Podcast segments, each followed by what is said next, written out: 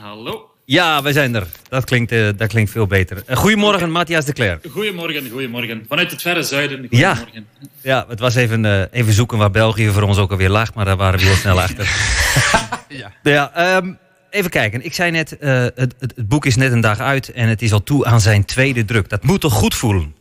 Het voelt heel erg goed. er komt van alles op me af en daar ben ik heel heel, heel erg blij om. En het blijft kennelijk niet enkel bij Urk, maar er begint ook uh, landelijk interesse te komen uh, voor het boek. Dus het is uh, heel fijn om te merken wat er allemaal gebeurt, zeer zeker. Ja, had je, had je dat verwacht dan, Matthias? Of, of is het juist onverwacht dat, dat het landelijk ook een beetje bekendheid krijgt? Of had je alleen maar gedacht van, nou, ik doe even alleen maar voor de Urker lokale markt? Nee, ik, ik had eigenlijk geen, geen specifieke markt in, in gedachten. Dit was een uh, persoonlijke kweeste van mezelf. Dus ik wilde echt uh, de vinger proberen krijgen oh, ja. uh, achter jullie dorp door echt, um, echt moeite te doen en bij jullie te komen wonen en alles, en, ja, en alles mee te maken. En wat er dan achteraf met het boek zou gebeuren, wel. Um, dat zou ik dan wel zien. Ja, ja, Ik wilde eerst gewoon, gewoon volle, volle moeite doen voor, uh, voor Urk. En dan, um, ja, ik, ik, was niet met, met een bepaalde markt in gedachten bezig. Ik was vooral met Urk bezig. Maar waar kwam, waar kwam bij voorbaat dan die interesse voor Urk vandaan? Wel, je moet weten dat ik uh, tien jaar geleden werd ik um, voor één schamele dag naar jullie dorp uitgestuurd. um, dat was een heel vreemde dag, omdat uh, het waren ook heel trieste omstandigheden, want iedereen zal zich nog wel de dood van uh, het jongetje Dirk Post um, herinneren. Ja. dat was natuurlijk een vreselijke zaak. Ik was pas journalist. En ik werd uitgestuurd naar Urk om op een, eigenlijk niet eens een dag, maar één namiddag, um, een portret te maken van jullie dorp. Maar ik was piepjong, ik wist niks af van, van het dorp, ik wist niks van de visserij, niet van de inpoldering. Uh, echt niks. En dan moest ik daar dan een groot verhaal over schrijven. En ik had het gevoel dat ik een beetje gefaald had. En um, ja, ik, ik, ben de jaren nadien veel beginnen lezen over Urk. En ik vond altijd dat er nogal spottend werd gedaan uh, over het dorp. Dat, dat Nederland ja, nogal ja, spottend ja, over, over Urk schrijft. En ik dacht, waarom doe ik eens niet de moeite om wat tien jaar geleden niet is gelukt om de cirkel rond te maken? En ik dacht, volle overgave, ik ga er wonen. Ja, en als je dan dus, met de wijsheid van nu dan, uh, Matthias, je bent, uh, je bent wat ouder geworden, uh, tien jaar rijper. Um, had je met de wetenschap van nu, had je dat, het, het artikel van tien jaar geleden anders willen herschrijven? En wat had je dan anders geschreven? Ja, ik, ik, dat is heel moeilijk om, om met de wetenschap van nu. Ik was inderdaad, uh, tien jaar geleden wist ik, wist ik amper, uh, amper iets. Uh, en ik heb toen vooral mensen aan het woord gelaten die er wel iets over wisten. Dus um, ik was tien jaar geleden vooral, moest ik vooral met, met vertrouwen op andere mensen. En nu heb ik alles zelf ervaren. Heb ik zelf over Urk gelezen. Ben ik zelf een week op zee geweest. Ben ik zelf naar alle kerken geweest. Dus ik wilde het vooral um, op een eerlijke en open manier zelf doen. Uh, nou, ik denk dat, dat, uh, dat je die moeite neemt. Ik denk dat sowieso de Urker dat heel erg uh, kan waarderen.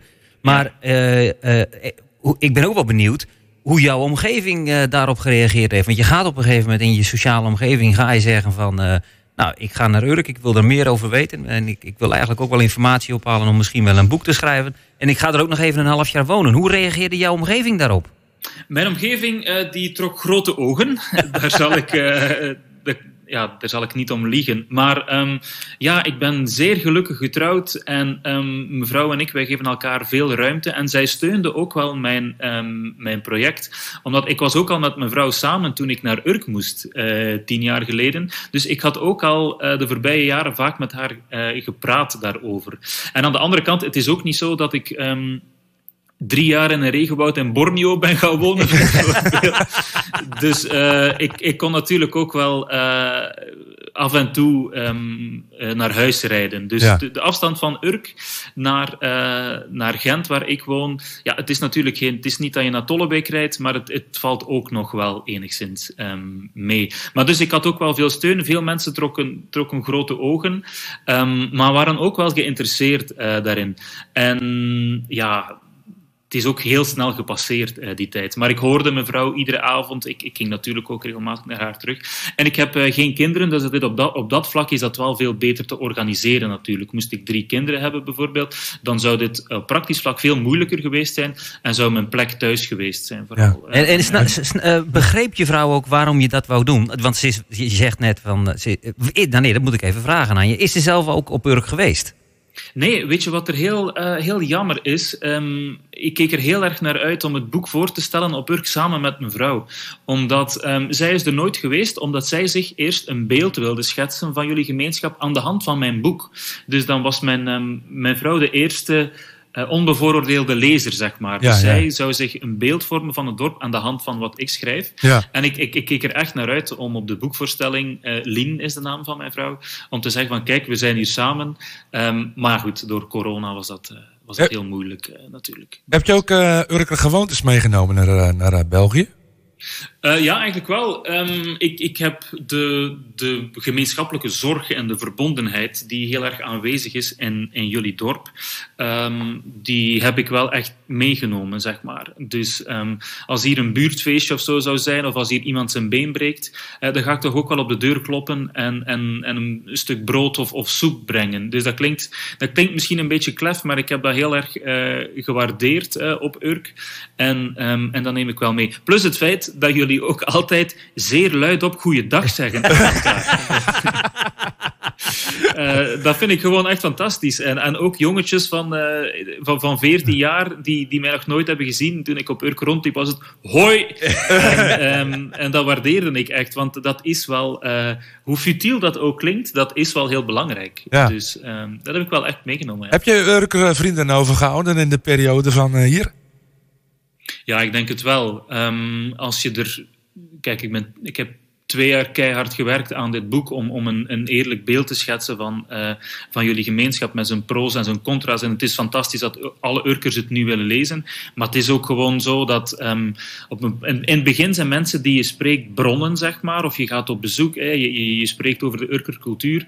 Maar hoe meer je iemand ziet, hoe meer je een persoonlijke band ontwikkelt natuurlijk met iemand. Dus um, dit, dit oversteeg zeker ook het professionele voor mij. Het was ook gewoon heel, heel menselijk, heel hartelijk. Je, je leert heel veel mensen kennen.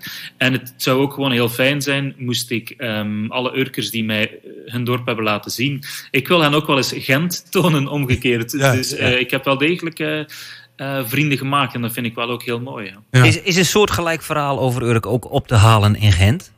Nee, totaal niet. Uh, totaal, totaal, totaal niet. Het is, het is vaak... Heel veel mensen op Urk vroegen me... Ja, Matthias, wat is er dan zo bijzonder aan... Um, aan onze gemeenschap. Uh, wel in alle, keer, in alle eerlijkheid alles. Uh, want het is, het is totaal anders dan, dan waar ik woon.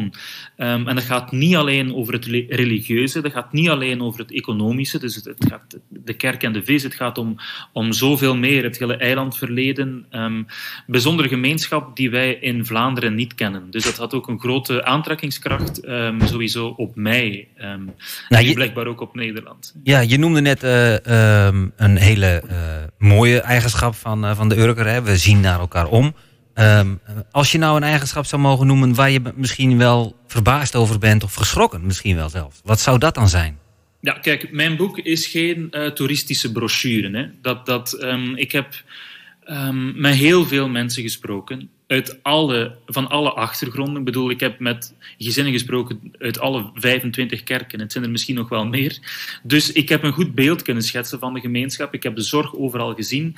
Maar ik heb vaak uh, mensen gesproken voor wie het ook um, moeilijk was om, um, om nieuwe ideeën aan te brengen. Want Urk, heeft een zodanig vaste identiteit uh, dat sommige mensen een beetje zuurstof nodig hebben. Uh, zeg maar, of daarnaar, uh, daarnaar op zoek zijn. Dus het is niet, niet makkelijk om, om iets te proberen veranderen op Urk. De dingen zijn nogal vast geregeld en ze ja. worden eigenlijk niet, niet in vraag gesteld. Ik heb heel vaak het gevoel dat Urk um, vanuit het antwoord leeft en, en eigenlijk de vraag niet stelt. Um, en er zijn een aantal dingen die ik uh, daarin benoem in het boek. Zin, ja, dat is een goede opschrijving, ja.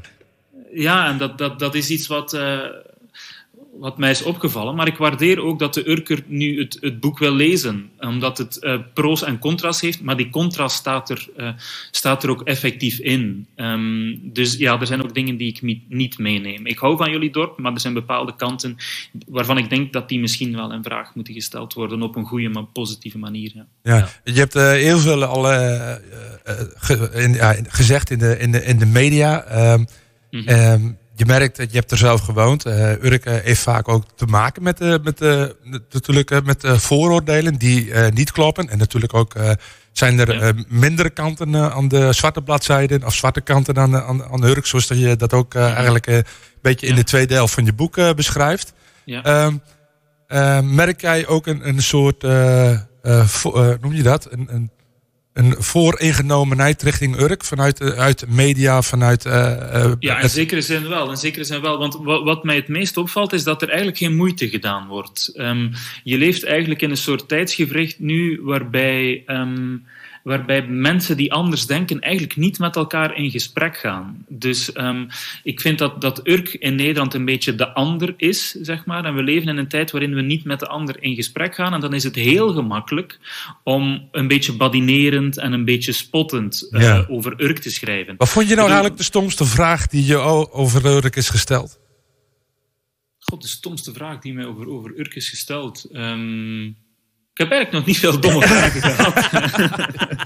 um, maar wat je wel voelt, is dat natuurlijk heel veel uh, mensen die me interviewen, het is natuurlijk heel dubbel. Hè? Ik bedoel, Nederlandse media um, interviewen een Belg over Urk.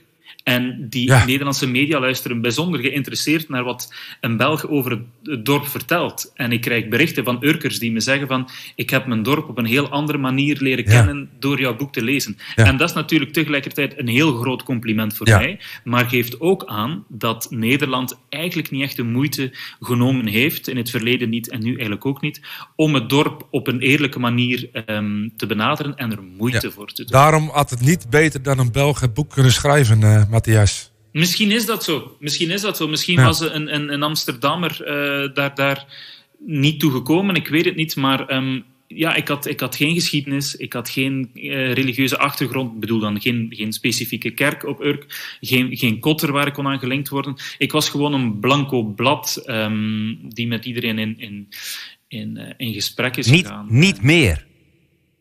Niet meer, nee. Niet meer. Ik, heb nu geschiedenis, ik heb nu geschiedenis op het dorp hè, en dat, dat is ja, wel heel ja. fijn. Uh, de eerste keer dat ik aankwam op Urk was alles totaal nieuw. Ik kende letterlijk niemand. En nu zijn we twee jaar later, heb ik er twee jaar hard aan gewerkt. En als ik nu het dorp binnenrijd, dan, dan zijn er veel mensen waar ik naar kan zwaaien. Dus ik ja, heb geschiedenis gekregen. En met dorp. wellicht uh, gepaard met een bijnaam. De Belg, uh, ja. uh, ik, ja, ik, ik, ik merk nu dat. Ik, ik weet eigenlijk niet of ik een bijnaam had, maar het, het, viel mij altijd op als ik, uh, toen ik op Urk woonde en, en iemand zei: Ja, de Belg, wisten toch veel mensen op wie het, om wie het ging. Ja. Dus, en ik denk dat die bijnaam op dit ogenblik nog een stuk versterkt is de voorbije weken. Ja, ja. Dan, Komen we over tien jaar terug, Matthias? Uh, kom ik over tien jaar terug? Ja, ik ga veel vroeger terugkeren, maar ik ga er geen boek meer over schrijven. Ik heb mijn werk gedaan, maar uh, ik kom zeker nog eens terug op Urk. ik moet nu gewoon een beetje kijken naar de, de, de huidige coronasituatie. Ja, ja. Wat dat niet kan. Dat is een Hij moet de verjaardagen af. Ja.